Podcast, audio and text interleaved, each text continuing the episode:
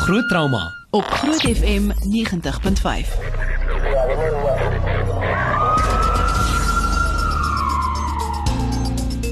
Steyn Saterdag, baie welkom by Groot Trauma op Groot FM 90.5 en uh, vanaand baie sensitiewe onderwerp. Ek dink iets wat mense nie op weet baie graag wil gesels oor nie, maar ek dink mense moet daaroor gesels en dit gaan oor trauma en veral oor plaasmoord en die meer, né, Jaco? Ja, Pieter, goeienaand, goeienaand aan almal wat luister ook. Ek dink um, plaasmoorde, plaasaanvalle en en meeste geweld en misdaad is nogal 'n probleem wat ons land baie meer en meer sien soos wat die tyd aangaan. Um ons in trauma eenhede definitief sien baie meer deesdae daarvan. En ek dink se dis 'n sensitiewe onderwerp, maar is ook 'n onderwerp wat nodig is om oor te praat. En uh, van ons gaste wat 'n bietjie later um, hulle storie gaan vertel is uh, Robert wat hierso is uh, wat self deur trauma gegaan het en hy gaan sy storie vertel. Baie dankie aan jou Robert en dan ook Johan Kloppers uh, van AfriForum uh, wat werk met boere en trauma en misdaad. En wie ons nog hier het, is 'n ou bekende, is Dr. Henk Swanepoel, um, 'n bekende sielkundige en hy gaan vir ons bietjie meer help met met daai aspek ook hmm. van van die van die ehm um, jy weet trauma. So besoek sommer ons Facebookblad. Ons is besig om te livestream as jy wil 'n bietjie loer en te kyk hoe ons lyk like, of uh, miskien moet ek dalk net eers kyk of ons nou wel of ek nou die regte kameraatjie geklik het. Sy. Uh so gelukkig is ons uh, Facebook live. En ehm um, ons Facebook vraag vanaand aan jou is is jy al geraak deur misdaad? Vertel ons meer van jou ervaring op ons Facebook live. Kom ons kom sommer af vir Johan, jy sien eintlik daagliks in jou lewe as AfriForum se trauma beampte uh weet die die ek wil net sê of die havoc en die seer van van trauma en misdaad in ons land en veral op op plase. Dis korrek ja, Pieter, weet jy dit is dit is iets wat mense nie vir iemand regtig kan beskryf nie in ek het nou vir myself 'n bietjie probeer somme maak van April 2017 het ek omtrent al op 70 plaasaanvalle waarop hy al gewerk het. Sure. Waar jy op tonele kom um, met Robbie hulle sinne veral jy weet jy jy's amper eers op 'n toneel waar jy instap waar dit basies plaasgevind het. En die seer en en die magteloosheid, hulpeloosheid wat die mense ervaar wat jy daar kry en dit is ek dink almal sal saamstem hier daai trauma wat met 'n ou gebeur, dit verander jou vir altyd. Hmm. En die nagevolge daarvan is is is onbeskryflik. So jy kry fisies amper 2 nuwe oproepe per dag oor moontlike plaasaanvalle as mens nou so kan kyk. Indirek ja, dit dit, dit is waarop dit neerkom, jy weet, en 'n ou probeer prioritiseer, maar dit is dit is moeilik en en baie keer die publiek, ons het nou mense verstaan dit nie en en en, en dink dit, dit dit is nie eintlik so erg so wat dit is nie. En as jy nie self daar was of dit deurgemaak het nie, gaan jy dit nie verstaan nie en ek is baie dankbaar dat ons vanaand bietjie daaroor kan gesels. Hmm. Jaco, 'n trauma eenheid? Pieter, en vir ons in 'n trauma eenheid is dit baie baie moeilik. Ehm um, ons primêre doel is as die persoon inkom of die pasiënt inkom wat dan uh, deur hierdie trauma of misdaad geraak is, is om hulle fisies uit te sorteer. Ehm um, dis dis ons eerste prioriteit. Ons is nie regtig, ek dink in 'n situasie of die omgewing leen hom nie daartoe dat mense na die sielkundige aspek eintlik kyk nie. Ehm um, wat aan die een kant dink ek verkeerd is, maar aan die ander kant dink ek ehm um, dit is 'n dis so komplekse probleem dat die sielkundige aspek eintlik bietjie later meer in detail deur die ouens wat wat regtig opgelei is daarvoor um, hanteer moet word. Ons probeer initieel net om daai ou deur die deur die ergste fisiese trauma te kry, maar emosionele trauma dink ek is 'n ding wat baie langer vat om om behandel en hanteer te word. Ek dink aan posttraumatiese stresversteuring en al hierdie tipe goed wat wat 'n langtermyn pad eintlik is wat jy saam met jou sielkundige loop dink ek. Hmm. Uh, Dr. Swanepoel, hoe affekteer trauma en en valseke ehm um, brutale trauma ehm um, Suid-Afrika en en die omgewing om ons, ons gemeenskap? Pieter, dit is 'n uh, ongelukkige uh, baie algemene ding wat wat gesien word ook in my praktyk waar um, uh, baie van die verwysings handel oor trauma en gewelddadige trauma. Ehm um, die die die punt is presies soos 'n uh, uh, dokter van die kerk gesê het, die uh, emosionele effek van ehm um, die die traumatiese 'n situasie waarna 'n persoon blootgestel word, uh, word volgehou. Dit is nie iets wat akuut is en hy bly en hy gaan weg nie. En baie keer vat dit 'n hele tydjie voordat die simptome na na vore tree. Baie keer uh, identifiseer mense nie die simptome nie. Hulle verstaan nie mooi wat besig is om met hulle te gebeur nie, waar dit eintlik akute stres of 'n posttraumatiese stres is, um, en 'n persoon se gedrag dan verander um, tot so 'n mate waar 'n persoon se persoonlikheid soms kan verander. So dit is iets wat wat baie gereeld gebeur en dit raak nie net vir volwassenes, die raak ook kinders wat daarin blootgestel was in die nuus ehm um, vroeër die week was daar ook 'n uh, uh, 'n dame en 'n kind betrokke in in gewelddadige misdaad. So dit raak gesinne en in daardie geval is dit baie belangrik om na die ge, sielkundige welstand van hierdie geweldsmisdaad te kyk um, en dan die die die langtermyngevolge wat dit kan hê, soos dan byvoorbeeld by kinders. Ons uh, gaan net nie nou 'n bietjie verder gesels en ons het ook Robert uh, wat een van hierdie plaasaanvalle oorleef het, bietjie sy storie laat vertel. So bly ingeskakel daarvoor. Groot trauma op Groot FM 90.5.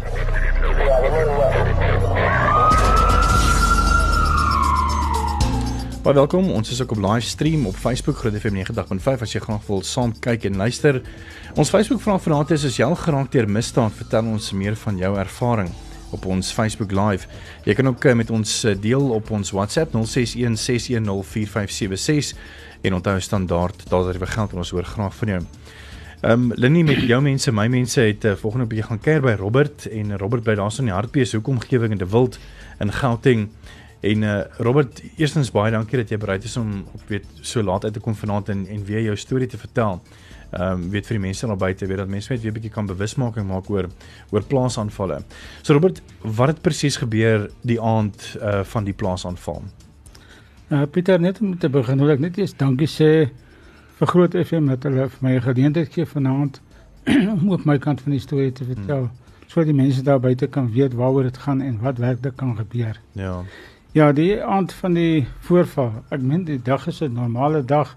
Jy gaan aan met jou dinge waarmee jy besig is en die gesin kom tot op 'n ete en ons eet en ons besluit vanaand gewoonlik elke aand eh, het ons 'n stilte tyd en uh, ons bid en ons vra vir die Here dan ook om ons deur die nag te vat en ons te beskerm. Maar uh, daardie nag, jy was seker om dit is so kwart oor 2 dink ek in die oggendure toe gebeur dit nou. Nooit het ek gedink so iets sal werklik met my gebeur of met my en my gesin nie. Ekskuus. Want da, dit ons sien dit altyd. Jy sien op die op die advertensie uh, die uh, uh, in die koerante en die koerante en jy lees berigte van plaasaanvalle en jy hoor van die mense en baie keer staan jy nog die mense by daar waar jy kan en uh en mense soos jy kan gebeur met met met jouself nie nê. Nee. Maar jy kan nie dink dit gebeur met jouself nie en en en jy weet nie waar daai mense werklik gaan nie tot die oomblik wat dit self met jou gebeur. Hmm. En dan kom jy tot die besef, maar hierso is nou 'n ding wat aan die gebeur is en, en jy weet nie hoe gaan jy daar uitkom nie.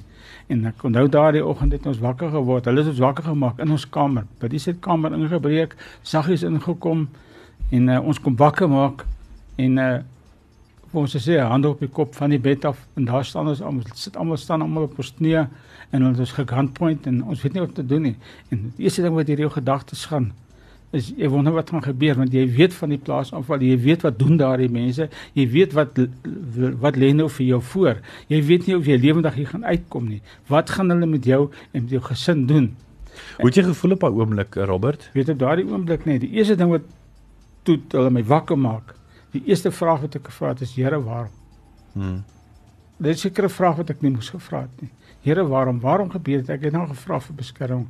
Maar nêrens in die Bybel staan daar geskrywe dat die lewe maanskind en rose gaan wees en dat so hmm. iets nie oor jou kan gebeur nie. Daar gaan storms in jou lewe wees, maar die Here is altyd daar. Hy's altyd daar om te beskerm.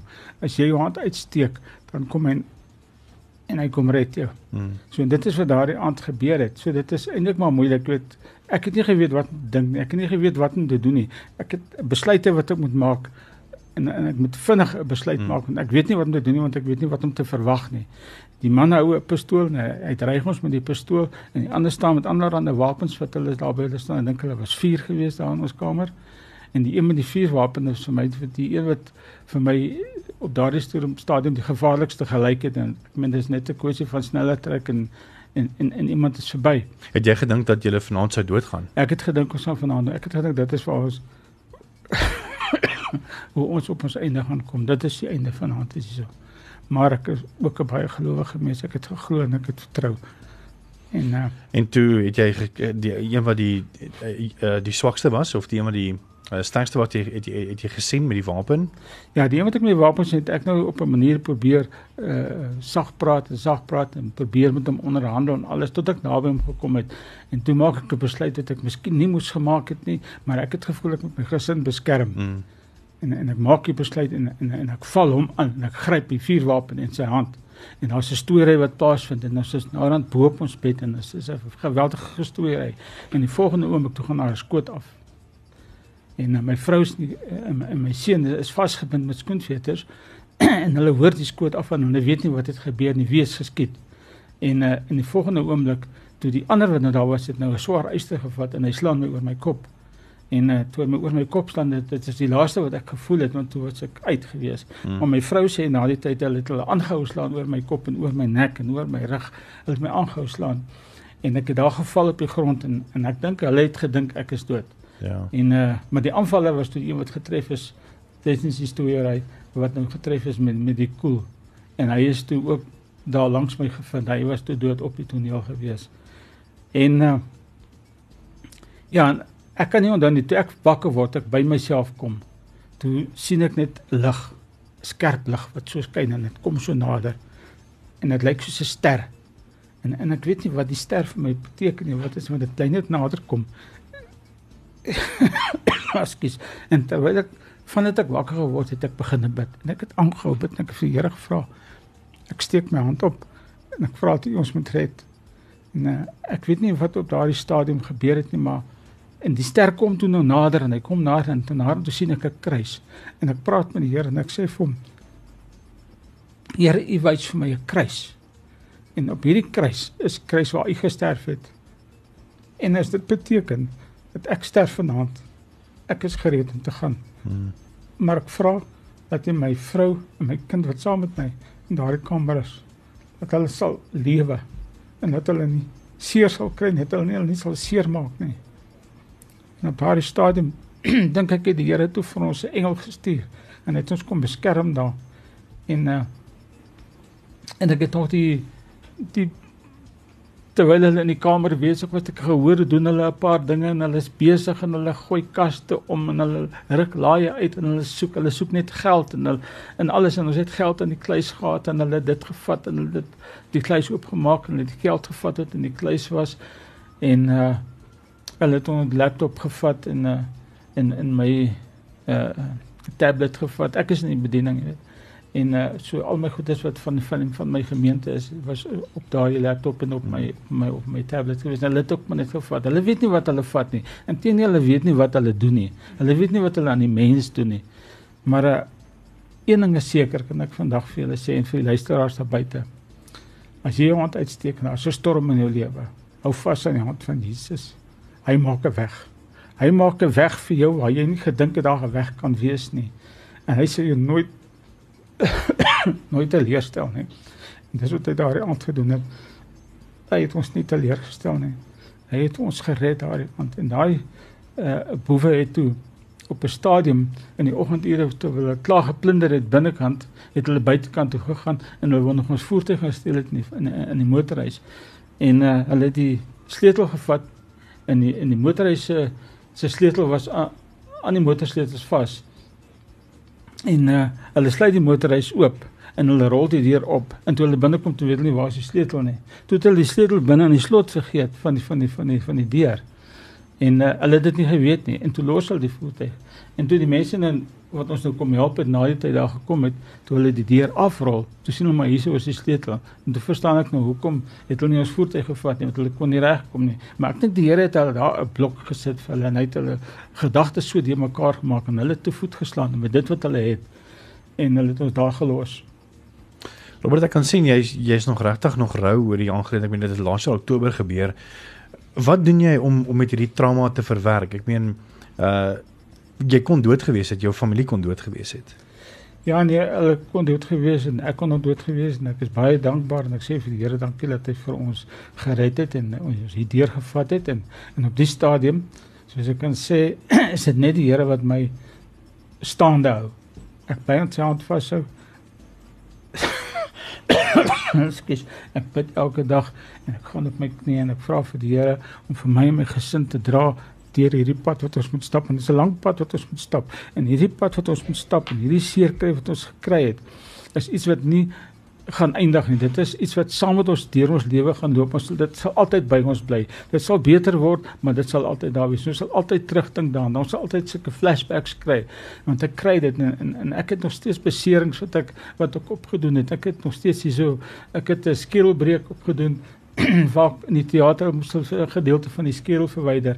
Ek het 'n uh, skedel het gekraak hier by my regter oor tot by die middeloor wat hy gekraak het. Ek het 40% van my gehoor in my oor verloor.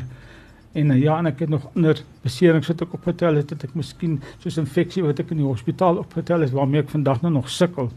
Ja, daar is nie vir ons nie, ek weet dit, maar ek sukkel nog daarmee en en maar ek weet ek het dit in die hande van die Here gegee. En my hart is nog seer maar ek het die mense vergewe en ek het hulle vrygespreek want hulle het nie geweet wat hulle doen nie. Hmm. Ek dink tog steeds al waarmee hulle besig is. Hulle seker nog steeds besig om dit te doen wat hulle doen en hulle weet nog steeds nie waarmee hulle besig is om te doen nie. So ek het vir vir die Here, hulle weet nie wat hulle nie vergewe hulle. Ons is net hier nou weer terug. Uh, ons wil ook by jou weet op ons Facebook live. Ons vraag is aan jou is is jy al geraak deur misdaad en ons wil graag 'n bietjie van jou ervaring hoor. So gaan laat jou gaan laat jou kommentaar op ons Facebook live uh, of jy kan vir ons WhatsApp by 061 610 uh 4561. So is 061 610 4566. Ekskuus tog. Dis 061 610 4576 onthou standaard dat dit weer geld. En uh, dan gaan ook uh, nie na gaan dokter um, Jaco van die kerk en dokter Henk Swanepoel ook 'n bietjie gesels oor juis oor die sielkundige effek en en die effek daarvan van mense wat deur so erge trauma is so bly geskakel daar. Groot trauma op Groot FM 90.5.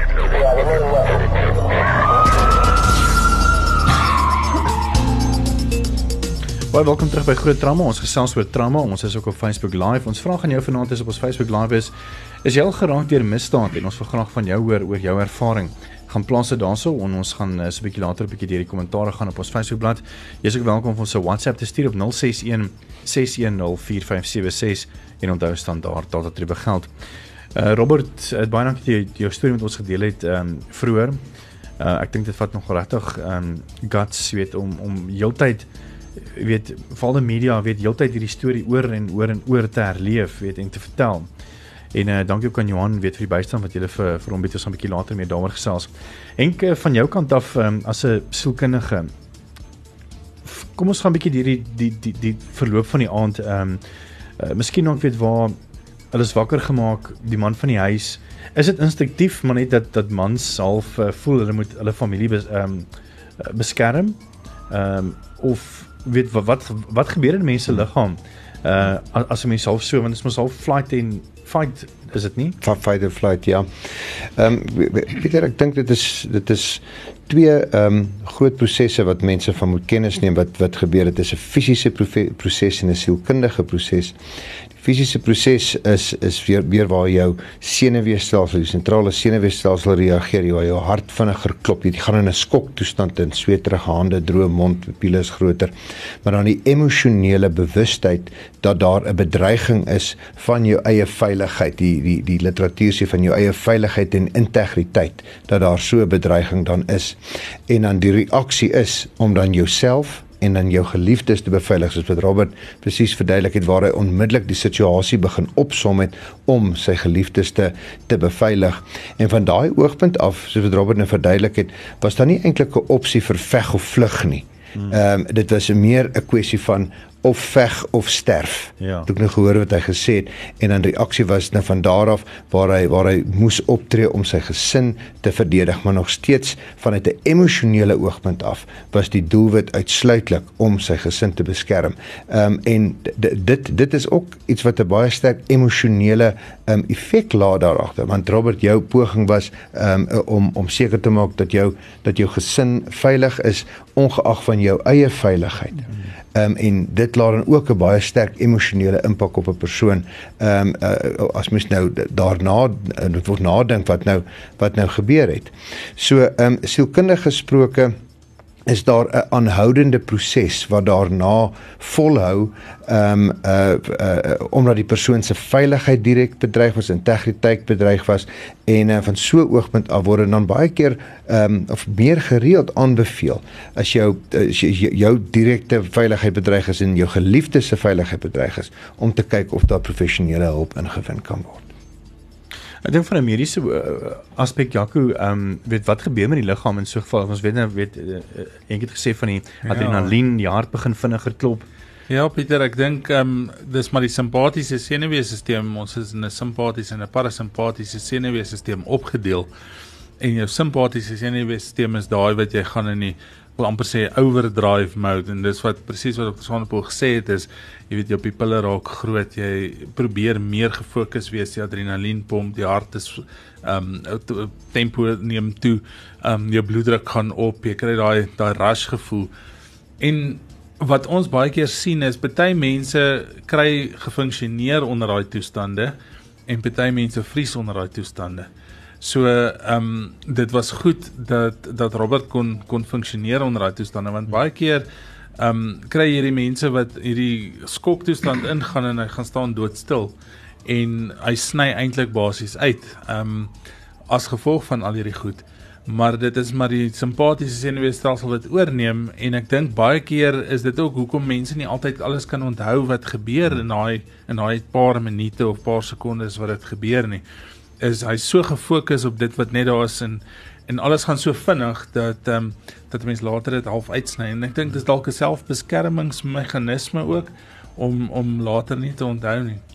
Ek kan maar net daar daarby Dr. Vernieker aansluit. Dit is dit is glad nie vreemd vir mense om te sê na so 'n traumatiese skok, so 'n traumatiese insident deur te sê hulle kan niks onthou nie of daar was 'n tyd gewees wat uh wat net swart was. Ehm um, selfs sekere mense sien hulle self buite hulle liggame. Ehm um, en daai daai reaksie noem ons 'n dissosiatiewe reaksie as gevolg van die akute trauma waardeur 'n persoon gaan en dit is weer 'n keer uh, uh, presies wat gesê is 'n 'n beskermingsmeganisme om uh, vir die vir die liggaam, die brein eintlik maar om hierdie situasie te kan integreer en oplossings te kry om daarby uit te kom waar daar nie eintlik oplossings is nie. Is daar 'n 'n sielkundige siklus waardeur 'n mens gaan? Uh weet van weet skok dan 'n dag later refleksie of of so iets. Is is daar so 'n term in die sielkundige ja. wêreld? Daar sou is eh, daar's eintlik twee prosesse waardeur mens gaan. Uh dis meer op 'n diagnostiese vlak waar 'n mens sekere simptome begin openbaar. Um simptome van van 'n uh, vermydende gedrag. Um 'n mens vermy sekere mense uh of vermy sekere gedagtes, uh opwekking, jy jy kry woede uitbarstings, jy sukkel om te slaap, uh um terugflitsse soos wat Robert gesê het, negatiewe gedagtes. Um en mens mens meet daai siklus aan die tydperk wat dit volhou, die intensiteit daarvan en daardeur uh, maak 'n mens twee diagnoses. Een is 'n akute stresversteuring uh of diagnose as daai simptome uh, teenwoordig is enigiets tussen 3 dae en 'n maand, maar as dit na 'n maand aanhou, dan skakel daai diagnose oor na 'n posttraumatiese stresversteuring, uh soos wat Jaco vroeër gesê het. Uh maar die die die die basiese reaksie waarna mens kyk is dan daai daai uh uh um aanhoudende gevoel van die trauma wat nie weggaan nie. Mense is konstant in vrees. Uh, uh hulle praat van skrikreaksies of of in Engels die die hypervigilance. So jy is heeltyd op jou hoede dat dat iets gaan gebeur. Ehm um, so dit is maar die basiese simptome waarvoor mens moet uitkyk.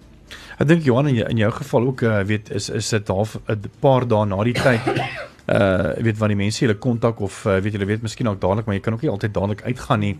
Jy weet ehm um, hoe, hoe werk jy? Ek meen en hoe hanteer jy die trauma? Want ek meen jy moenie vir my sê dat jy van April tot nou toe op 70 plaasaanvalle mm. afgestaan het en mense bystand gebied het dat dat dit nie jouself gaan raak nie.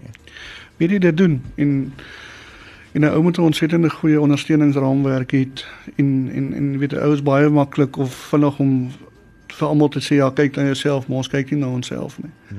En dit is belangrik en ons die werk kyk definitief na ons dat ek laat ek probeer jy weet um een keer 'n maand dat ons iemand gaan sien en waar ek na na sensitiewe toneel toe gaan maak ou telefonies kontak en die ouens is op bystand om om met die ou te gesels want ek sê hierdie weet dit is dis regtig dit is dis erg wat 'n ou beleef en wat 'n ou sien as hy uitgaan na hierdie tonele toe en En en van die gevalle weet ek, men Robbie bly 6 km van myself of so dit Sure. dit dit kom naby na ou se eie huis. Iets Dit is nie meer ja, dit dit, dit kom dit kom huis toe, jy weet.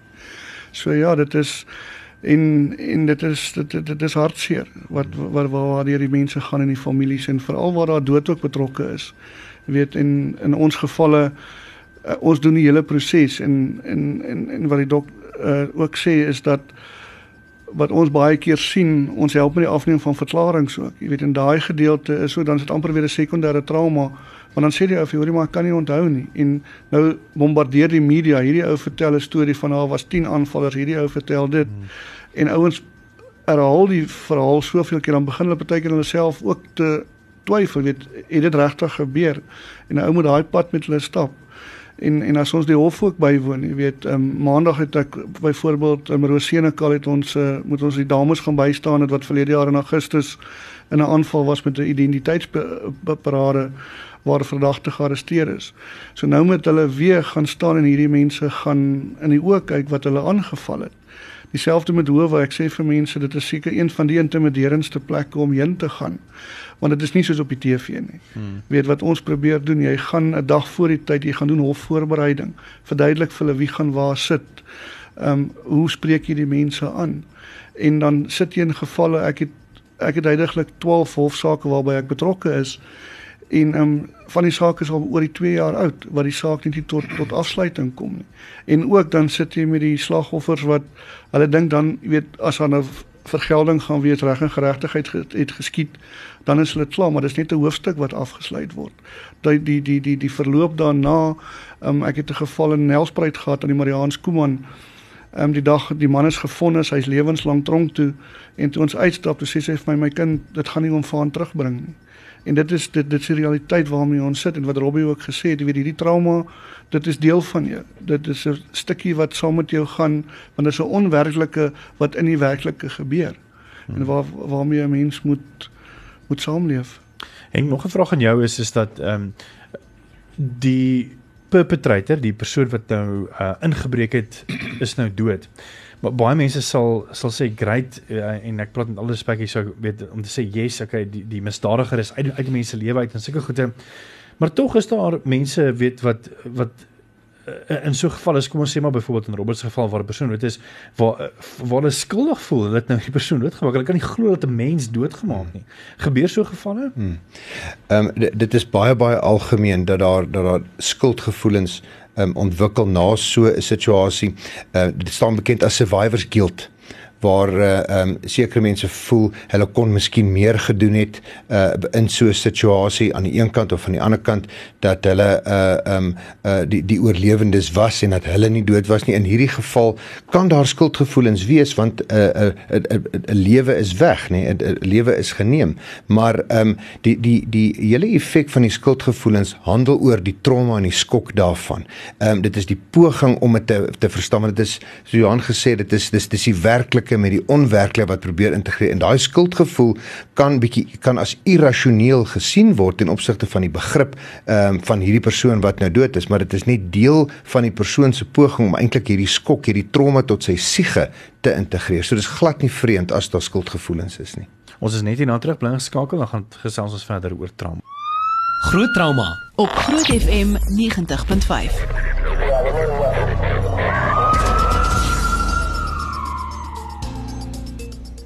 Dis groot trauma groot FM 90.5 ons gesels eh, vanaand eh, oor trauma en plaasaanvalle. Ja Pieter, ek sit nou op Facebook live en kyk. Ehm um, Jessica Stol sê Robert is my skoonpa en dit is my erg die aanval. Uh dit het my ook geraak en ek is nou nog in die aande bang as dit donker raak.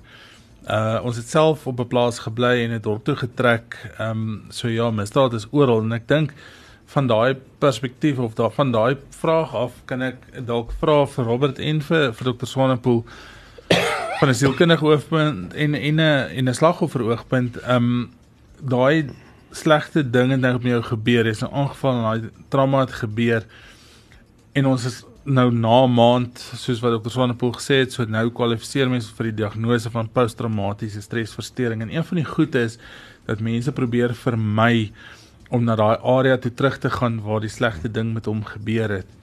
Ehm um, vind julle dat dit help om weg te trek om die terugflitsse en die slegte ervarings en gedagtes en goeie minder te maak of maak dit nie 'n groot verskil nie?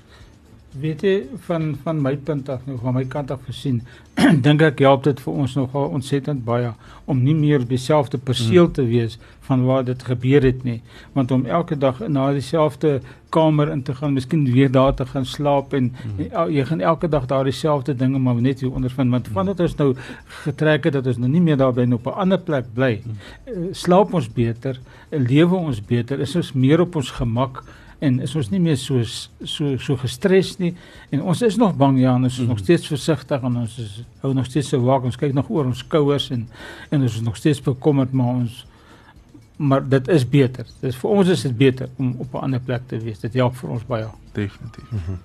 uh, ja, ek dink dit is 'n baie belangrike vraag. Dit is 'n vraag wat ek ook baie baie in in terapie kry.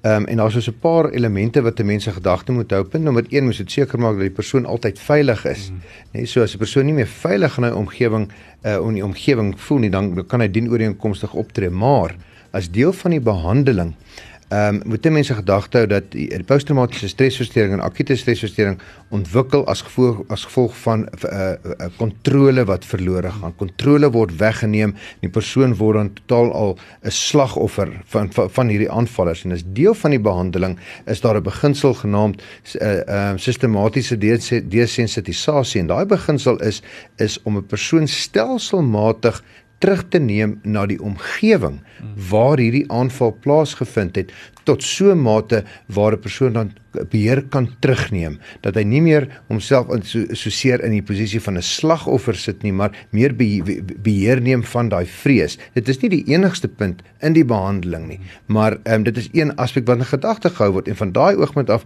sal mense dan soms besluit om nie weg te trek nie en in die omgewing te bly deur te sê weet hulle hulle gaan, gaan in beheer bly van die situasie. Maar dit hang af van pasiënt tot pasiënt in die in die hantering daarvan, maar as deel van die van die behandelingsproses wat ek sê, ehm um, is dit is dit is 'n deel van die behandeling om dan soms terug te gaan na die na die toneel toe. Ja, ek dink in daai op op daai punt dink ek is dit belangrik om te sê, ek dink almal wat wat geraak is deur deur misdaad of geweldsmisdaad Um ek dink dit is 100% van gevalle nodig om 'n professionele persoon te gaan hmm, sien verseker um op 'n stadium om deur hierdie ding te werk anders gaan jy dalk dalk vassit in 'n in 'n proses wat jy nie self kan uitkom nie.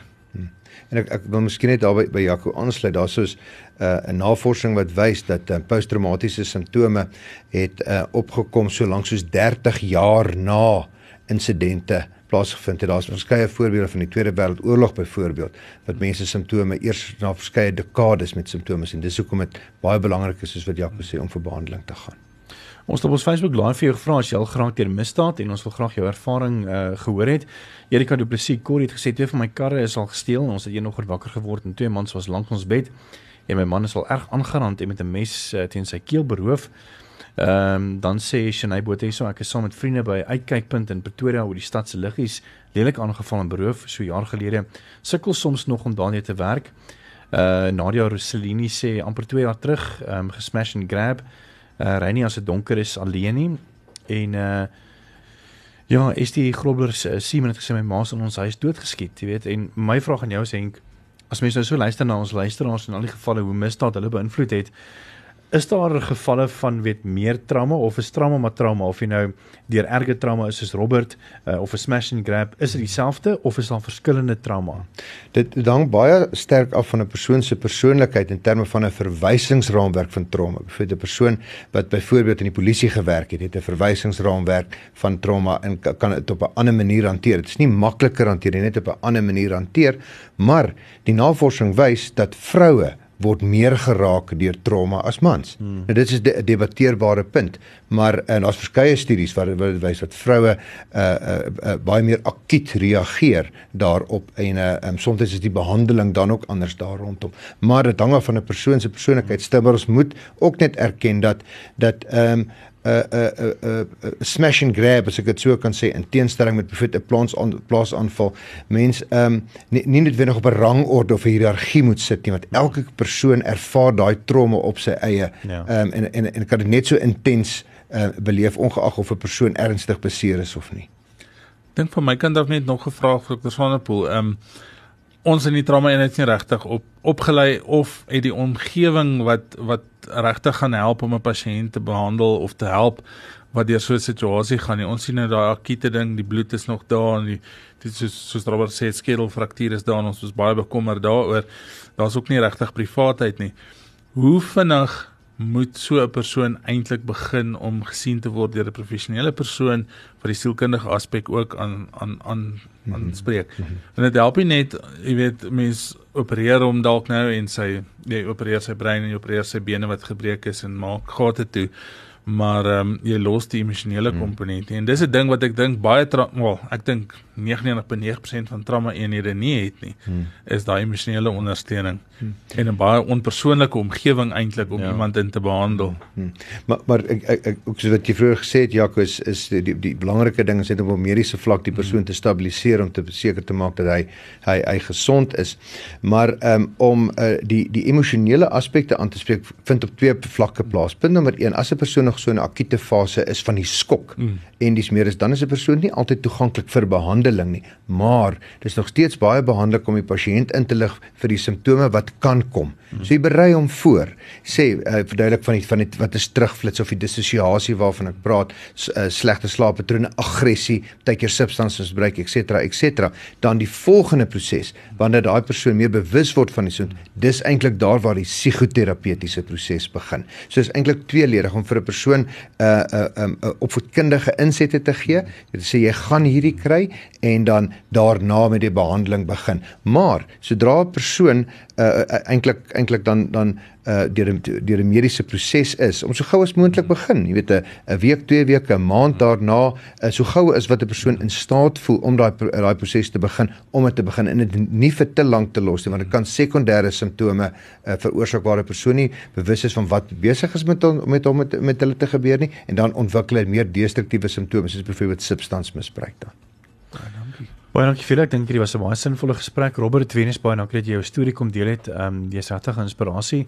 Uh, ons dink aan jou. Um, ek weet Christine en Lenie Strydom was ook volgende week bietjie by jou gewees om te hoor hoe gaan dit. Ek is seker ons gaan 'n bietjie foto's sien van van waar hulle bietjie lekker saam kuier op ons Facebook bladsy en Venus dankie vir jou. Johan die uh, die Engelse woord is die ehm um, unimaginal of of dit nee, dit is ook nie 'n regte woord nie, maar die ondenkbare uh goeie werk wat julle doen om om die boere by te staan en mense wat wat deur geweld uh en en gewelddadige geweld uh, geraak word. So baie baie dankie vir julle en Afriforum wat julle doen ook.